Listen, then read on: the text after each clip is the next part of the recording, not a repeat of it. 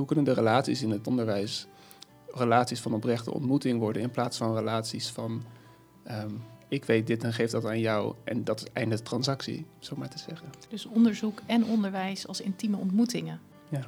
Welkom bij deze Nivos podcast. Mijn naam is Rob van der Poel en in deze aflevering gaan mijn collega's Eveline Oostdijk en Leone de Voogd van de Nivos Pijler Onderzoek en Ontwikkeling in gesprek met Michiel Bos en Koen Wessels.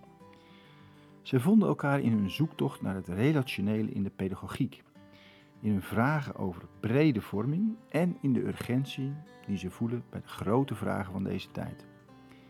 In deze podcast zetten ze hun gezamenlijk onderzoek voort. Hoe kunnen we leerlingen en studenten helpen in verbinding te blijven of te komen met de ander en het andere? Hoe worden we gevormd en geven we tegelijkertijd vorm aan de wereld? In het basisonderwijs waar ik vandaan kom, ehm, denk ik dat we af en toe doorschieten in het presenteren van de werkelijkheid. Zoals de wereld zich voor de volwassenen op een bepaalde manier openbaart. En vergeten we misschien uh, de kinderen te leren houden van de wereld waarin ze terecht zijn gekomen. Dus daar begint het voor mij bij de vraag: hoe word jij geraakt door hetgeen je, zonder dat je er zelf om hebt gevraagd, gegeven wordt? Hoe word je geraakt? En om gewoon die vraag, om daar ruimte voor te maken en daarover in gesprek te zijn. Startpunt van deze ontmoeting waren de masterscriptie van Michiel Bos over de wederkerigheid en onderwijsrituelen en het proefschrift van Koen over de pedagogiek van de verstrengeling. Twee pedagogische begrippen, verstrengeling en wederkerigheid, die best wel eens veel met elkaar te maken kunnen hebben. Ik denk dat het startpunt van dat begrip verstrengeling voor mij heel erg zit in de neiging die we hebben als mensen en zeker in het onderwijs om binnen en buiten te sluiten. Dus om te zeggen, we hebben hier de ruimte in de school, we zitten hier afgezonderd in een ruimte bij Nivels. En de wereld is weg, is daar buiten, is iets voor later of is iets waar we met dingen die we hier ons, onszelf hier vergaren vervolgens naartoe kunnen gaan.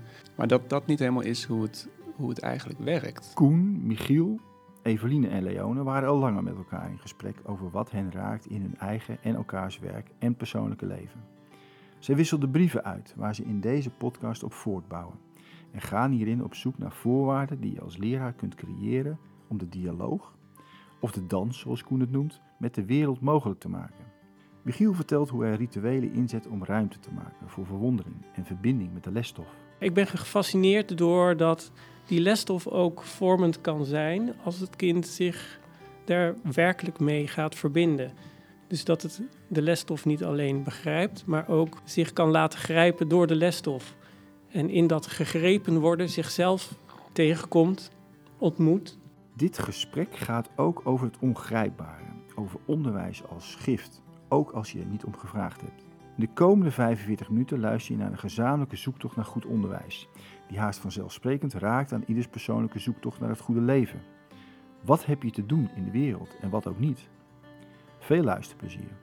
Koen Wessels en Michiel Bos. Welkom. Dank je. Dank je wel. Leuk om hier te zijn. Ja, we zitten hier ook heel, uh, heel gezellig met een kaars, wat uh, dingen uit het bos, pepernoten. Hoe zou je de sfeer omschrijven, Michiel? Precies wat je zegt, knus. Uh, het is grappig. We zijn deze podcast nu aan het opnemen, maar daar is al iets aan vooraf gegaan. We hebben elkaar brieven gestuurd en online gesproken. Dus het voelt al heel snel vertrouwd. Koen, hoe, uh, hoe zit jij hier? Uh, ik zit hier uh, voor mijn gevoel in een heel georganiseerde ruimte. Er zijn mooie warme gordijnen, we hebben een kaars aan, er ligt wat, staat wat eten op tafel. En dat geeft een fijn contrast, want ik ben aan het verhuizen. Dus ik kom nu uit een ongelooflijk rommelige, lege kamer in, in de stad in Utrecht. Dus ik voel me heel geborgen om even bij Nivels te mogen zijn. Ik noem Nivels altijd de pedagogische huiskamer van Nederland. En het voelt wel alsof ik daar nu ben binnengestapt. Leona, welkom. Dankjewel. Ja, het is wel grappig. Je zegt, we hebben ons hier teruggetrokken. En we zitten hier inderdaad knus met elkaar. En tegelijkertijd vind ik dat grappig, omdat we het juist heel erg gaan hebben over de verbinding met de ander en de wereld. Dus volgens mij zijn we hier ook bij elkaar, omdat we het belangrijk vinden om ons niet terug te trekken. Zeker, mooi dat je dat, uh, dat zo zegt. En we gaan vandaag ook een bijzonder gesprek aan, want we hebben elkaar inderdaad brieven geschreven over verschillende thema's. Um, en we gaan met elkaar vandaag kijken hoe we die in dialoog kunnen brengen. Koen Wessels, jij promoveerde vorig jaar, nee in juni, op een proefschrift over de pedagogiek van de verstrengeling. Kun je eens wat meer vertellen over dat begrip verstrengeling? Het is altijd zoeken waar je dan begint. Ik denk dat het startpunt van dat begrip verstrengeling voor mij heel erg uh, zit in de neiging die we hebben als mensen, en zeker in het onderwijs, om binnen en buiten te sluiten. Dus om te zeggen, we hebben hier de ruimte in de school, we zitten hier afgezonderd in een ruimte bij Nivels. En de wereld is weg, is daar buiten, is iets voor later of is iets waar we met dingen die we hier ons, onszelf hier vergaren vervolgens naartoe kunnen gaan. Maar dat dat niet helemaal is hoe het eigenlijk werkt. Dus inderdaad, de, de, de kern van het begrip verstrengeling is, daar zit wederkerigheid in, is tegelijkertijd beïnvloed worden en een beïnvloeder zijn, of gevormd worden en een vormgever zijn. Dus dat eigenlijk um, alles wat je doet als mens, dat dat een vormende kracht heeft op anderen om je heen. En dat dat uh, iets doet in de wereld.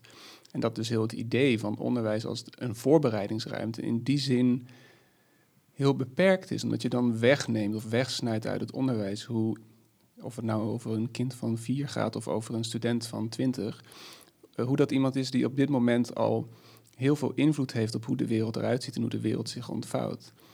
En tegelijkertijd dat als we doen alsof de onderwijsruimte een plek is die we moeten creëren, zodat er geleerd kan worden door de lerende of door de student, dat we dan wegnemen dat uh, elke mens ongelooflijk veel ervaringen in de wereld heeft, doorlopend, die hem of haar uh, diepgaand beïnvloeden. En, en dat is eigenlijk de vormingsdans, het woord dans zal in dit, deze podcast nog meer terugkomen, dat die gewoon, of je nou wil of niet, gaande is. En dat het vooral ook de opgave is uh, van pedagogen, van docenten. Um, niet zozeer om die vormingsdans van begin af aan opnieuw op te bouwen, maar om verbinding te maken met hoe dat gewoon zich afspeelt in de wereld en daar, daarop aan te haken, daarop in te spelen en daar pedagogische ruimte voor te maken. Dat als eerste antwoord misschien iets meer concreter gaat ook over, je zei er zijn uh, de vragen van onze tijd. Um, er is ook zo'n heel grote tendens van als er iets speelt in de samenleving, moet, moet het onderwijs daar dan op inspelen, op aanhaken, om te zorgen dat het daar ook verbinding mee maakt. Nou, vanuit het begrip verstrengeling zou je kunnen zeggen, um, die verbinding die is er. In je klas zitten mensen, ook al zit je, woon je in Utrecht, misschien heb je iemand in de klas um, waarvan de oom een boer is op het platteland die aan het protesteren is tegen stikstofwetgeving. Uh, uh, um, of je hebt ouders die zich heel fel uitspreken voor of tegen zo'n zaak. Uh, dus al, al die materie die is er voor studenten, voor leerlingen, voor kinderen. En uh, is niet iets waar ze helemaal los van staan. En de vraag is meer van, kan je zichtbaar maken in de klas hoe er eigenlijk al een diversiteit van stemmen en ervaringen is rondom wat er nu speelt in de wereld. En als je dat doet, ja, hoe gaat dat dan weer terug de wereld in? Mooi, je benoemt eigenlijk al uh, pedagogische kansen die, die daarin verscholen liggen. Michiel Bos, jij ronde vorig jaar een master kunsteducatie af met een onderzoek over wederkerigheid in het onderwijs. Jij stelt daarbij dat onderwijs, uh, wanneer je dat ziet als een ritueel, uh, de ervaring van wederkerigheid tussen kind en wereld versterkt kan worden. Wederkerigheid, is dat eigenlijk ook een vormingsdans? Ja, dat denk ik wel. Uh, in de brieven sloeg ik daar ook heel erg op aan. Dus vandaar dat dat woord vast nog een keertje terugkomt. Als ik lees over pedagogiek, dan gaat het heel erg vaak over hoe kinderen in de wereld komen vanaf het moment dat ze geboren worden en hoe onderwijs daar en opvoeding daar een rol in kan spelen.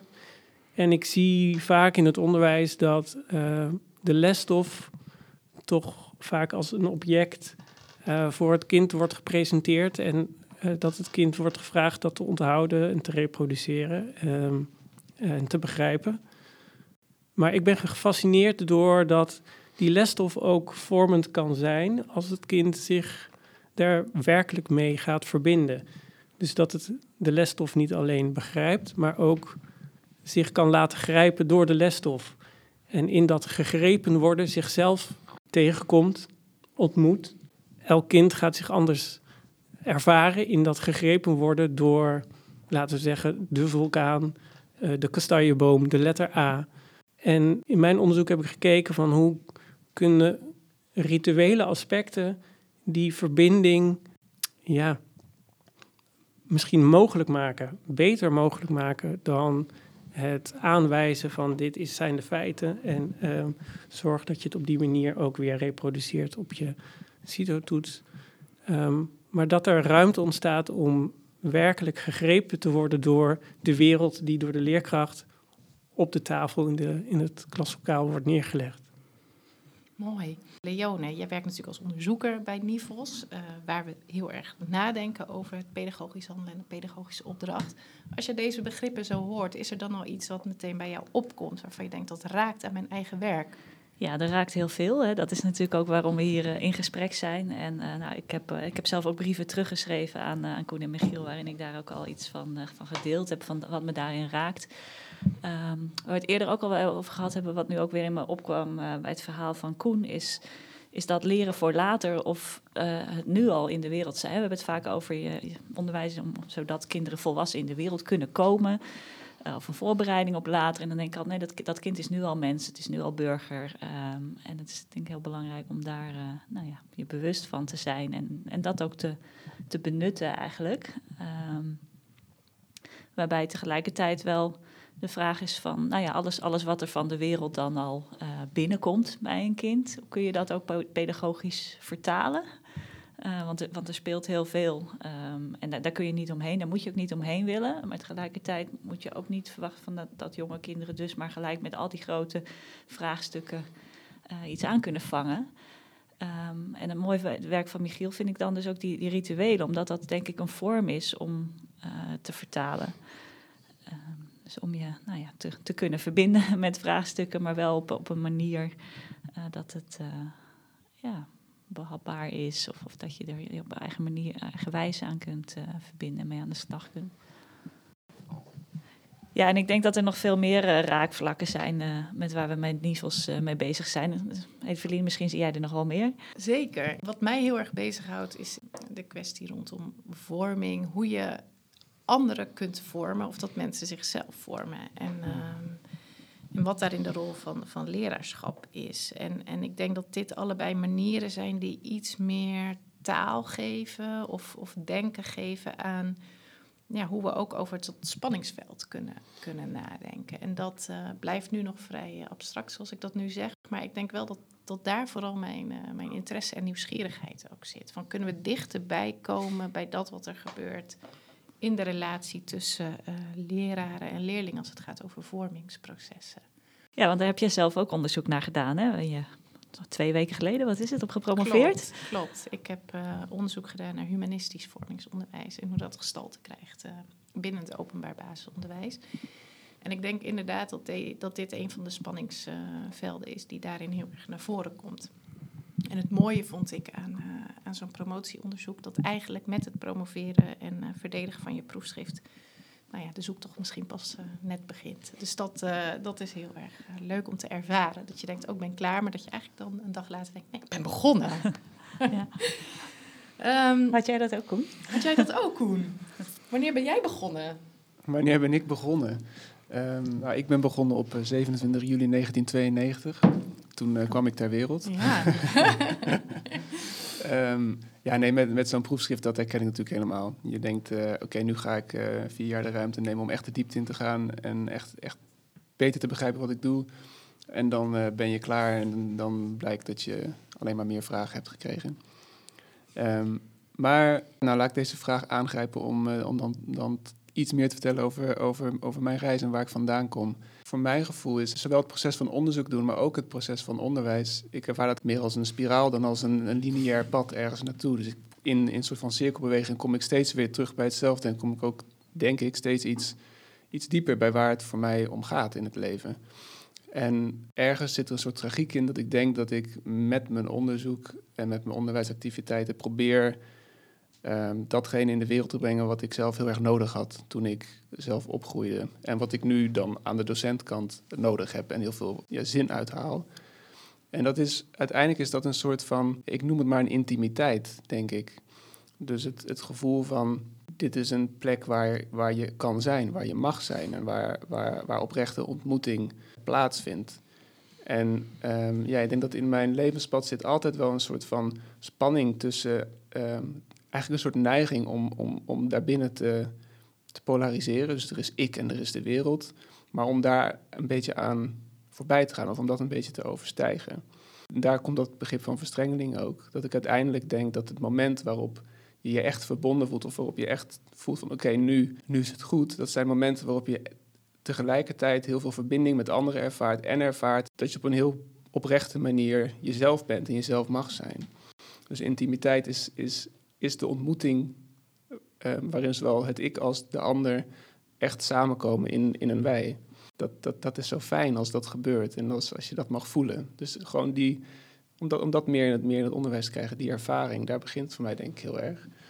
Um, ik miste dat dus heel erg als, als, als, als kind en als student en ben ook altijd heel erg zoekende geweest naar alternatieve onderwijsvormen en onderwijsplekken. Dus ik heb, toen ik studeerde, heb, ik de Bildung Academie mede opgericht. Dat was een instelling in Amsterdam die allerlei alternatieve onderwijsvormen mogelijk maakte. Um, toen ik op, uh, op de basisschool zat, toen ontstond uh, vanuit een paar docenten mij op school, uh, wellicht luisteraars bekend, het Iederwijs scholeninitiatief. Ik ben er zelf niet heen gegaan, maar had wel vrienden die daarheen gingen en kwam daar ook wel over de vloer en kende docenten daar. Um, ik ging naar een Montessori school als middelbare school, waar ook weer andere vormen waren en waar ik heel goed floreerde, want ik was iemand die heel erg zelf de regie nam en goed kon uh, kon plannen. Dus ik viel daar niet door de mand. Ik had heel veel vriendjes die dat wel deden. Want ja, als je zelf moet plannen, dan moet je daar wel de discipline voor hebben. Um, ja, dus ik ben altijd heel erg zoekende geweest naar hoe verhoud ik mij nou tot, tot mijn omgeving. En hoe kan je op zo'n manier je eigen pad vinden dat je daarin echt jezelf tegenkomt en kan bijdragen aan een groter verhaal.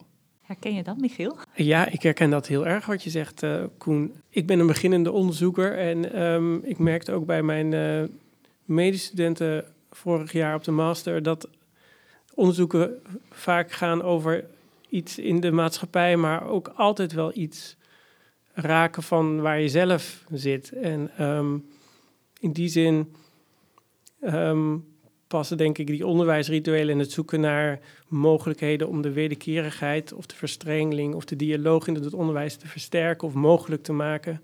In mijn eigen zoektocht, precies ook wat Koen zegt. Um, ik ben als mens ook op zoek naar verbinding en het zoeken naar mijn eigen stem in het geheel. Ik voel me een kunstenaar, een maker en ik heb, maak nu kennis met het onderzoeken. En het overlapt elkaar nog wel eens dat ik dingen maak en tegelijkertijd onderzoek en dan weer maak wat ik onderzocht heb. Dus dat onderzoek gaat ook over een stukje van jezelf. Dat is ook een, een hele persoonlijke drijfveer om het te blijven doen en om uh, geïnteresseerd en gepakt uh, te blijven in het onderwerp. En ook te zien wat het met kinderen of studenten, uh, wat het voor hun kan betekenen. Wat ik interessant vind, is dat we niet alleen nadenken over geborgenheid, dialoog, verbinding, ontmoeting binnen onderwijs, maar eigenlijk ook door op deze manier met elkaar in gesprek te gaan over onderzoek. Is dit misschien een nieuwe manier van onderzoek doen met elkaar?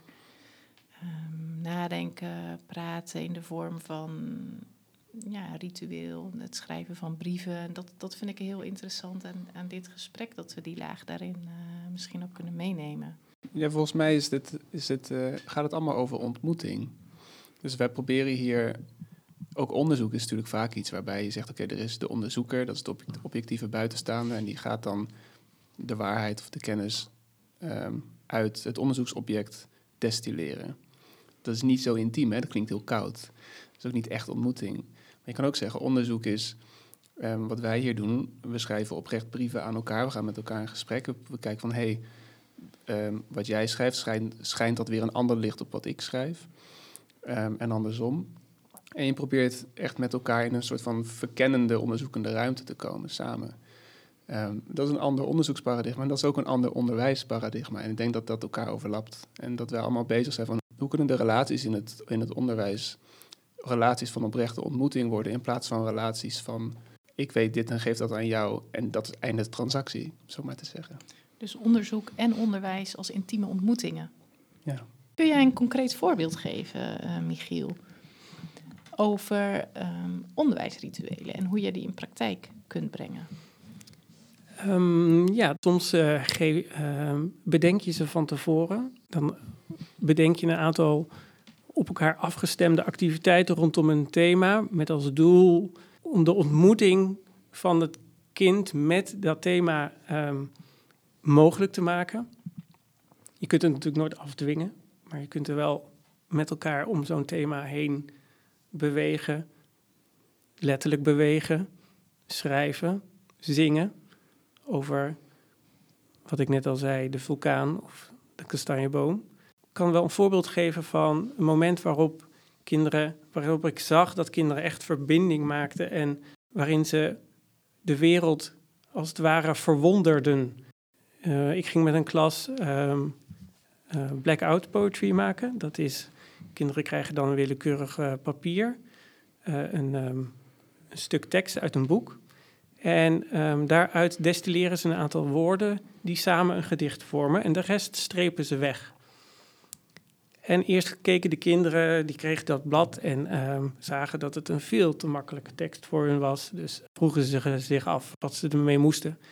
En toen vertelde ik dus dat in dat papier uh, gedichten verstopt zaten, als het ware.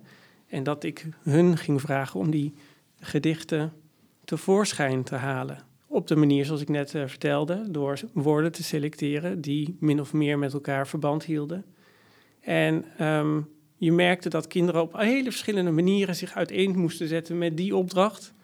Um, wat is dan een goed gedicht? Waar staat dat gedicht dan? Uh, wat zijn er toch veel woorden? Uh, dus je merkte allerlei uh, pedagogische uitdagingen om die kinderen aan het werk te zetten. Nou, daar komt de ondersteunende, het ondersteunende gebaar in. Um, maar al snel waren de kinderen allemaal aan het werk en ontstonden er prachtige gedichtjes. En um, op het moment dat ze dat aan elkaar gingen voorlezen, ontstond er een, echt een hele mooie, serene stilte en eerbiedige stilte van verwondering over de gedichtjes die tevoorschijn waren gekomen uit die willekeurige teksten die ik zat gegeven. En um, wat ik dan ook heel mooi vind, is dat die papieren dan vervolgens niet in de papierbak belanden, maar echt in de zorgvuldig worden opgeborgen in de tas om mee naar huis te nemen. En dan voel je dat er bij de kinderen echt iets is gebeurd. Dat dat papier van hun is geworden, dat het hun gedicht is geworden, dat zij op dat moment echt verbinding hebben gemaakt met die tekst door er iets zelf aan toe te voegen. Door eigenlijk teksten weg te halen, maar uh, iets nieuws tevoorschijn te laten komen. En dat vind ik magisch. Dan, um, dat is echt, dat is onderwijs in mijn ogen.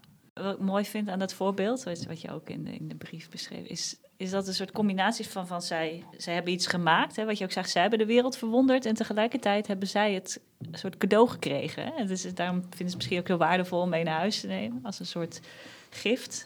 Um, dat is ook een thema wat, wat vaker is teruggekomen van ja, onderwijs als gift. Je krijgt ook iets gegeven waar je misschien niet om gevraagd hebt, maar um, dat, dat, willen we ook niet afdwingen. Want je zei ook, die ontmoeting met de ander wil je niet afdwingen. Dus hoe kun je nou dan toch nou ja, iets, iets creëren? Misschien is een ritueel, bepaalde vormen waarmee je nou ja, kinderen, studenten open kunt stellen voor nou, dat wat ze misschien cadeau kunnen krijgen.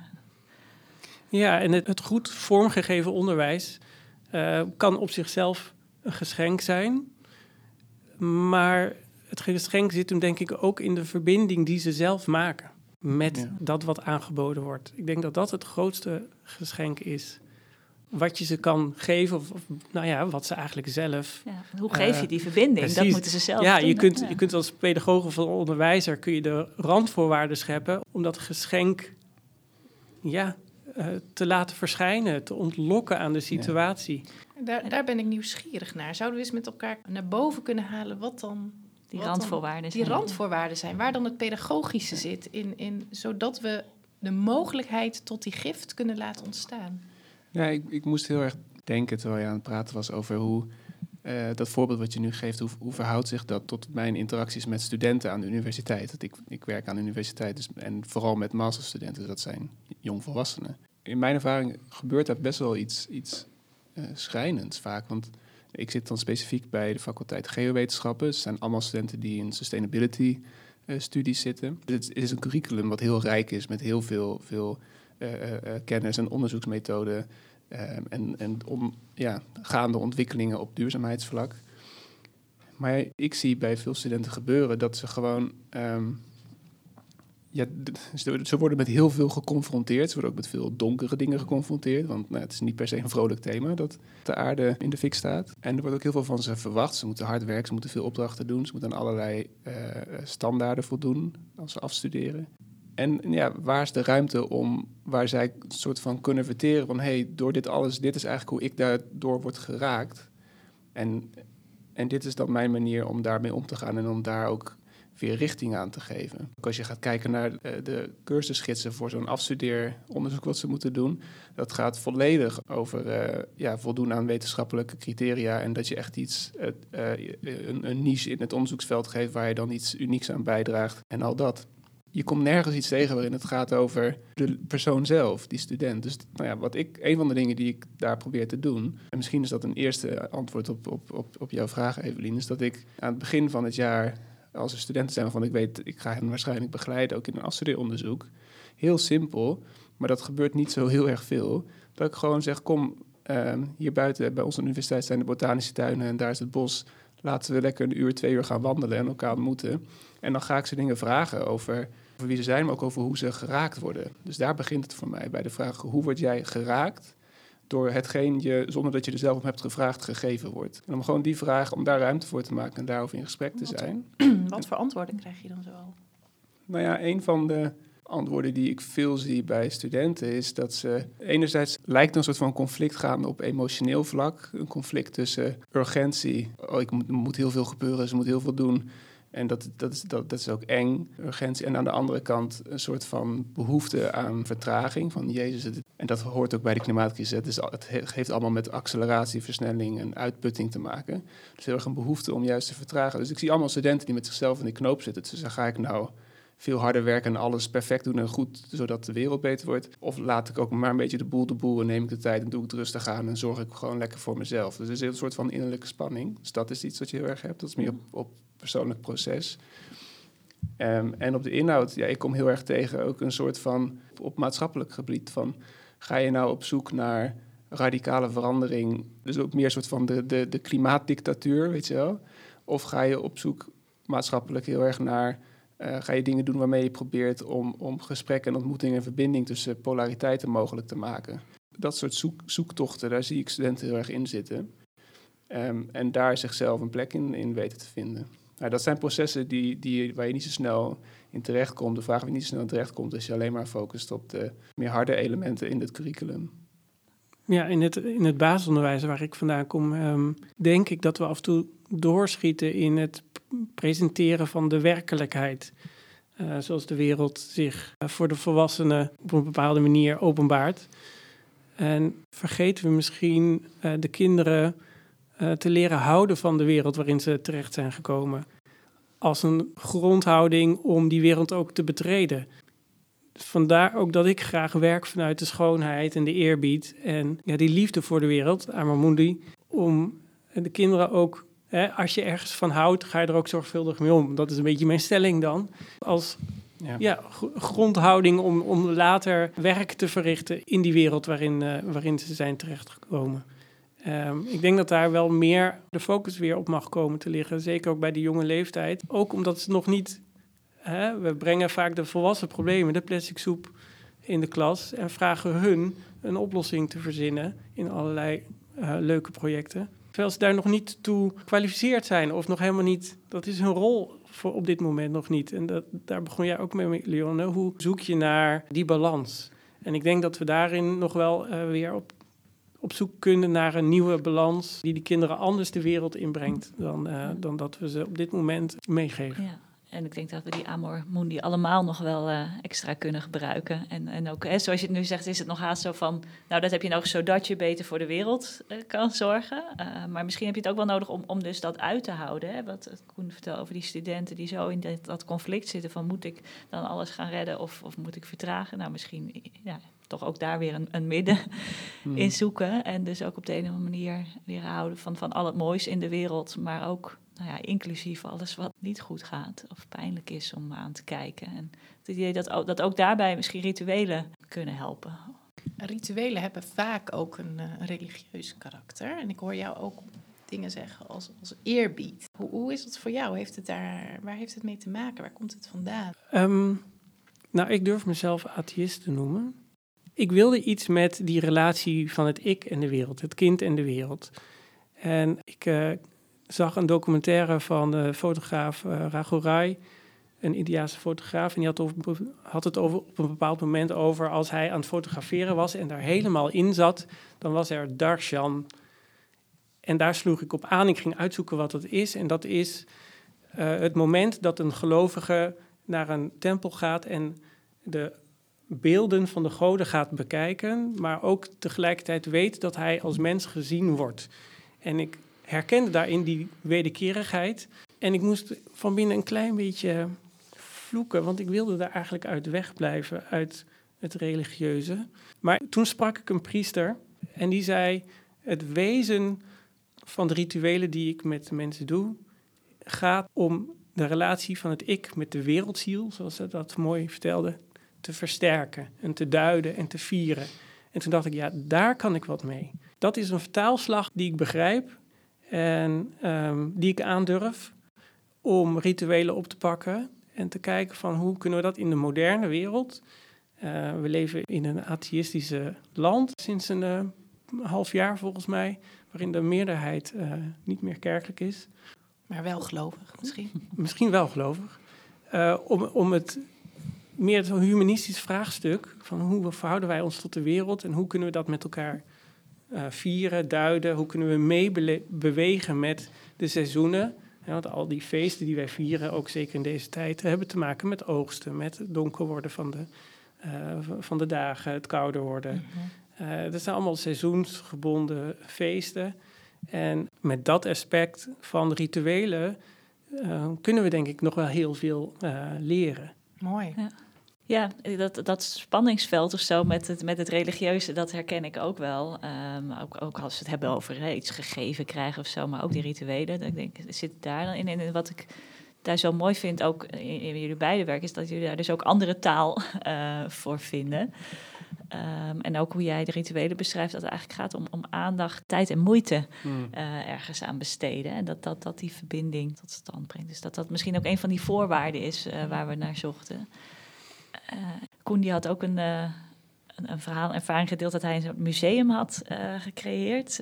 samen met studenten of voor studenten. En jij zei, daar zie ik eigenlijk al die elementen van, van een goed ritueel in terug. Kan je daar misschien iets vertellen van wat dat dan ja. de voorwaarden zijn? Of, de, toen ik rituelen bestudeerde, toen um, ontdekte ik een aantal factoren die altijd bij, bij rituelen horen. Hè, er is een gezamenlijk verhaal, mythes, uh, een geloof. Het, het, het, heeft betrekking op handelingen, op materialen, voorwerpen. Het gaat uh, vaak over voordrachten. Het gaat over symbolen, mensen, tijden, een bepaalde tijd, een bepaalde plek. En al die elementen herkende ik wel in het, in het verhaal over het uh, museum van Koen waarin hij als een koster, stelde ik me zo voor, het museum voorbereidde met papieren aan de, aan de muur en uh, geluidsbestanden en de voorwerpen die jouw studenten moesten meenemen. En dat je vervolgens als een shamaan ze vroeg om uh, daarop uh, te reflecteren en te contempleren en de tijd te nemen en de ruimte te scheppen om ja, daar eigenlijk bovenuit te stijgen en te kijken wat daar uit al die materialen en voorwerpen naar boven steeg. Ja, misschien moet ik iets zeggen over wat voor museum dit was. ik kan me voorstellen dat u nu zit te luisteren en denkt van... Jezus, wat voor museum was dat?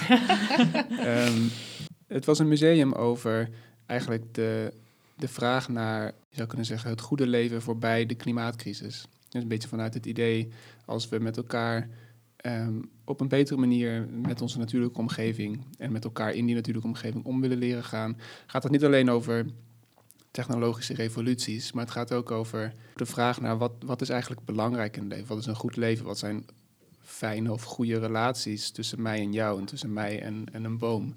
En hoe ziet dat eruit? Wat is die wederkerigheid? Nou ja, een van de, um, dat is mijn analyse, een van de voornaamste problemen van waardoor we nu ook in die klimaatcrisis zitten, is dat we natuurlijk heel veel uit de aarde halen. Dus um, extractie van, van bronnen. En dat, dat, dat, dat zijn we op zo'n grote schaal gaan doen dat, nou ja, dat we nu in een probleem zitten. En dat is ook terug te zien in het onderwijs. Dus ook in het onderwijs hebben we het idee dat kennis iets is wat we van buiten moeten, ook weer extractie. Um, en mijn radicale hypothese is dat, dat kennis of, of waarheid of betekenisgeving, dat we die niet zozeer van buiten hoeven te, uh, te halen, maar dat we die ook met elkaar eigenlijk in ons midden hebben. En dat als je uh, met een groep mensen je werkelijk verbindt met een vraagstuk en verbinding maakt met de bronnen die je ieder al meebrengt, eh, en oprecht in gesprek treedt met je eigen ervaringen en daarop reflecteert en dat ook samen doet, dat je dan eigenlijk veel verder komt dan, dan we ons bewust van zijn. Een soort van emancipatie van van de eigen kennis en van de reflectie op je eigen leven. En dit museum was erop gericht om dat mogelijk te maken. Dus rondom het vraagstuk van, nou, ik noemde het daar het, het postfossiele goede leven, mensen uitnodigen om uh, eigen ervaringen, eigen bronnen, eigen reflecties, eigen verhalen um, soort van mee te, mee te brengen. En ik was een soort van museumcurator die die verschillende dingen die ze meebrachten um, samenbracht. Dus er stonden uh, laptops met, um, met in loops afgespeeld persoonlijke ervaringen van mensen. Er waren, was een tafel met inspiratiebronnen, boeken, materialen. Er was een groot, um, groot raam uh, waar allerlei soort van korte visietekstjes op stonden, muziek op de achtergrond. En nou ja, ontmoet elkaar maar in die ruimte. Dat was eigenlijk de, de insteek. Ik heb toch de behoefte om ook dit perspectief te bevragen. Ik bedoel, we zitten hier ook als onderzoekers. En wat, bij mij, wat het bij mij oproept, is: zitten wij hier, hoe we hier zitten met z'n vieren, niet ook dankzij die kennis, die extractie, die, die, die dat wat allemaal in onze hoofdjes is gepompt twintig jaar lang? Hoe kijk je daarnaar? Ik heb, ik heb vaak de neiging om tegenstellingen op te werpen, maar uiteindelijk is de dynamiek van mijn werk om daaraan voorbij te gaan. Um, dat is ook het, het perspectief van verstrengeling, van wederkerigheid.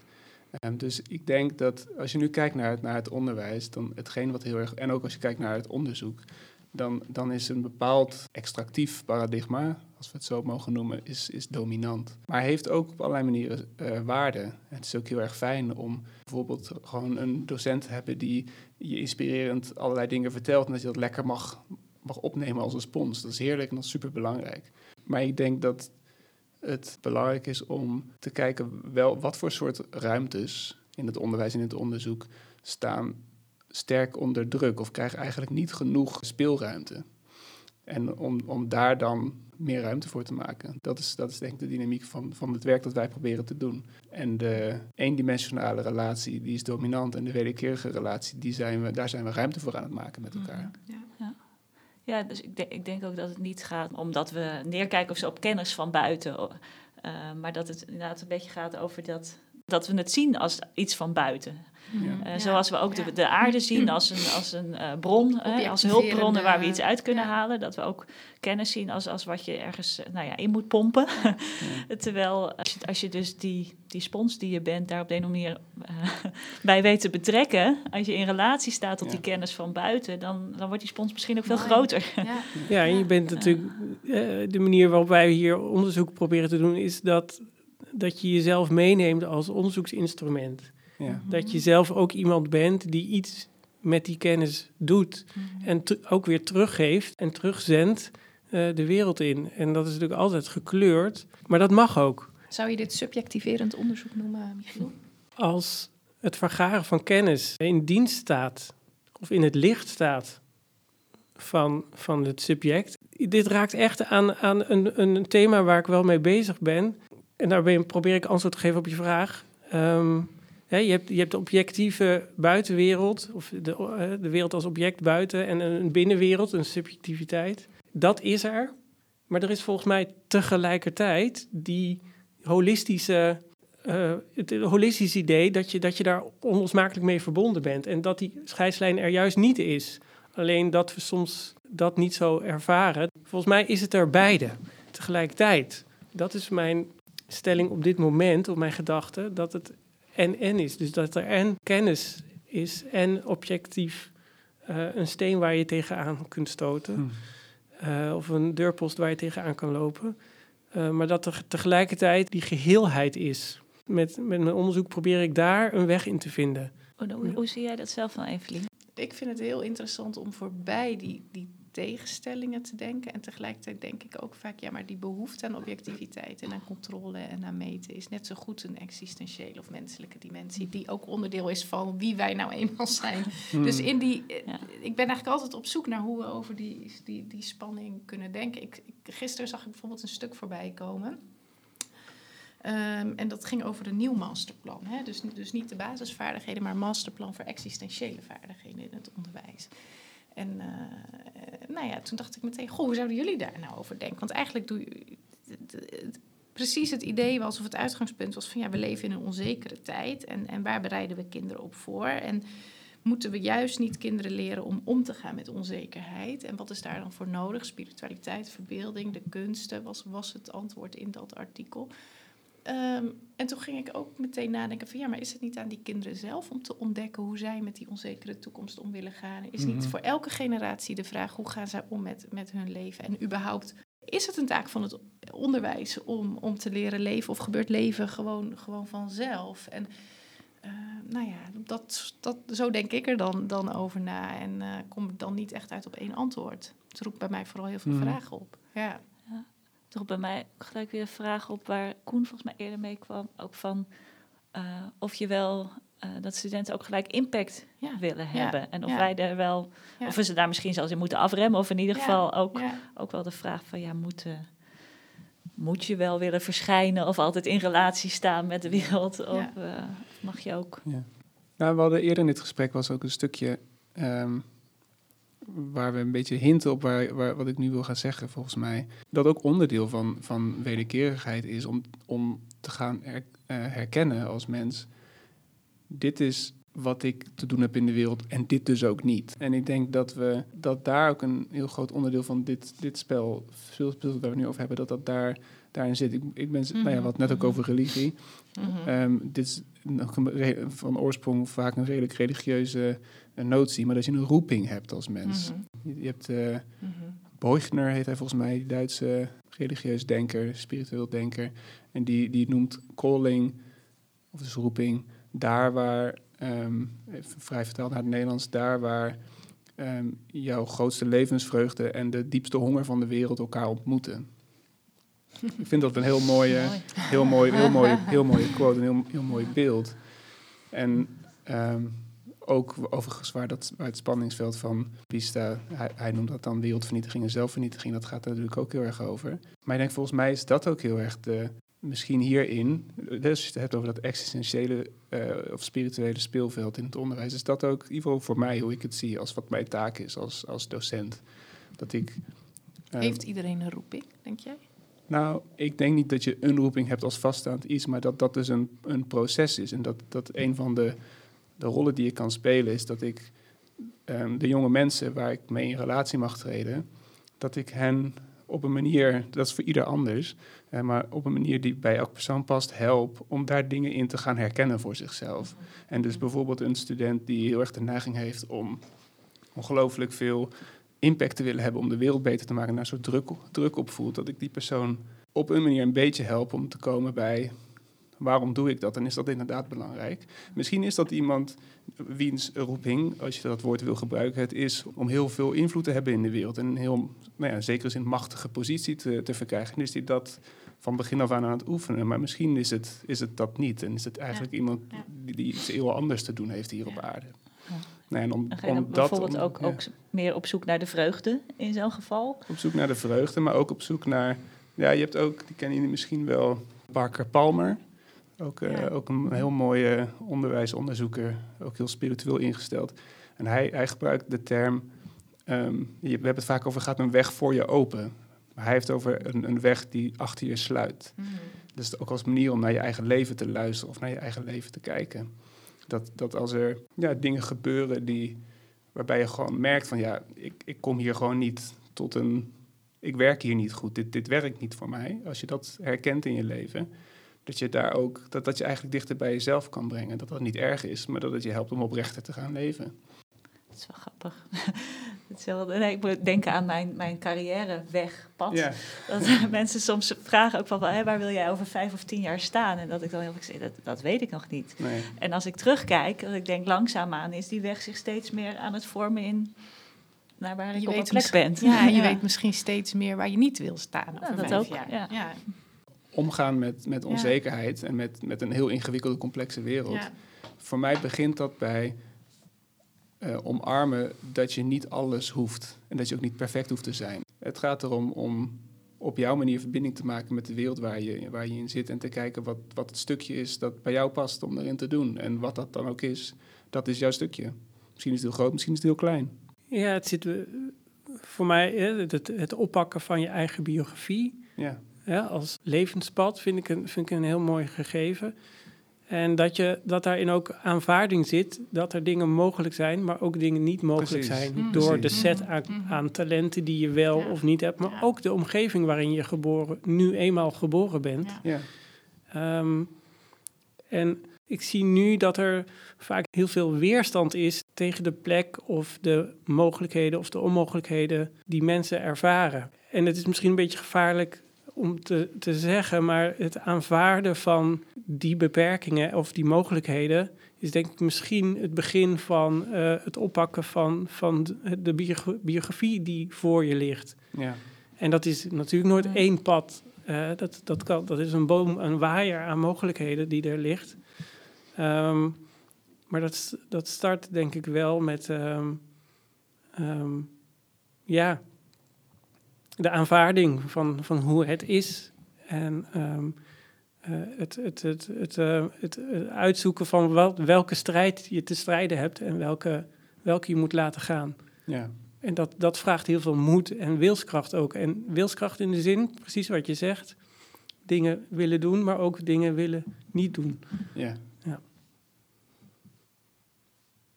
Ik herken dit wel heel erg. Ik, zit, e- ja, ik ben deze week 40 geworden. Ik zit echt in dit proces van. ehm, Ik ook. We Ja? allemaal. Allemaal te- Dat Nou, is ik ben 46. nou ja, ik heb het Ah, ik ben er nog niet hoor. Nee. ik heb het gevoel dat 40, in ieder geval in mijn leven, een, een nou niet zozeer een omslagpunt betekent, maar wel een. Ja, ik heb er denk ik ook nog niet echt de woorden voor, maar een gevoel van radicaler moeten gaan kiezen waar ik van ben, waar ik niet van ben, waar ik voor ga, waar ik niet voor ga. Ehm, terugkijkend uit een heel breed pad. Ehm, Ja, dat herken ik ook heel erg. ja, en dat is anders dan voorheen, voor mijn gevoel. Ja, en ik denk dat, dat het. ehm, dat we onze.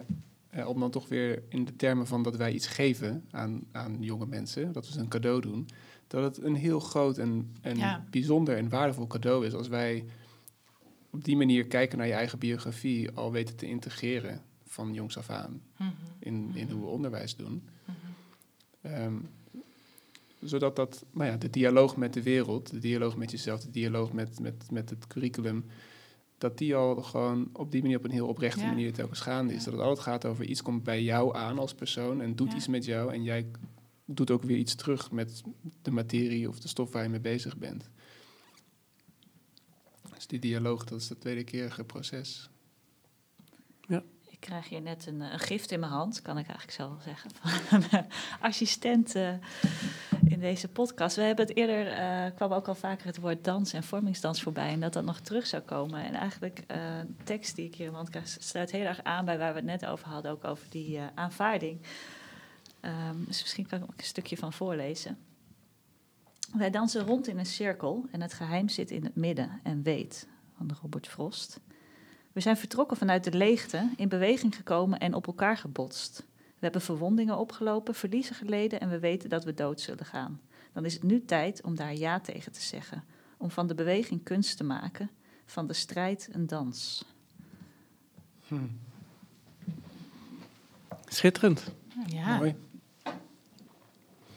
Ik ben even verwonderd. Goh, Ja.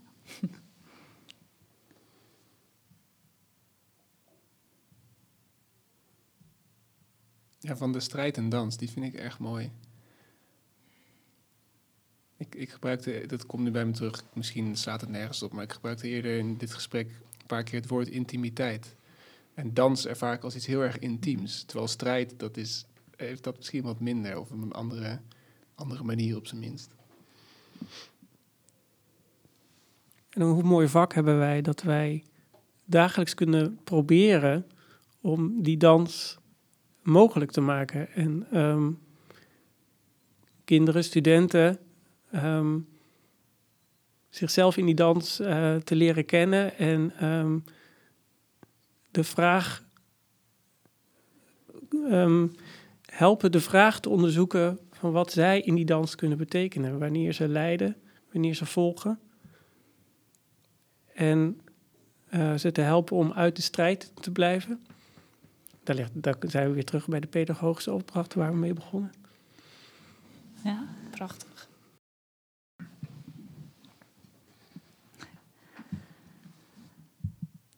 Nou, er valt hier weer een stilte. En ik denk dat dit ook een mooi moment is om ons eh, gesprek eh, af te ronden. De kaars is ook aan het opbranden.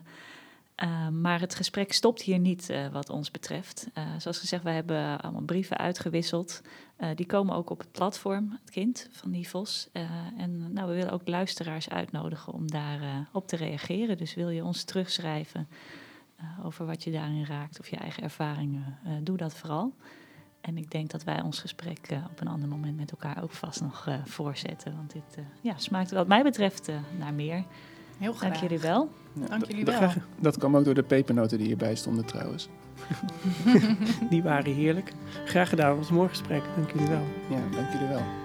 Dit was weer een aflevering uit de Nivos podcastserie.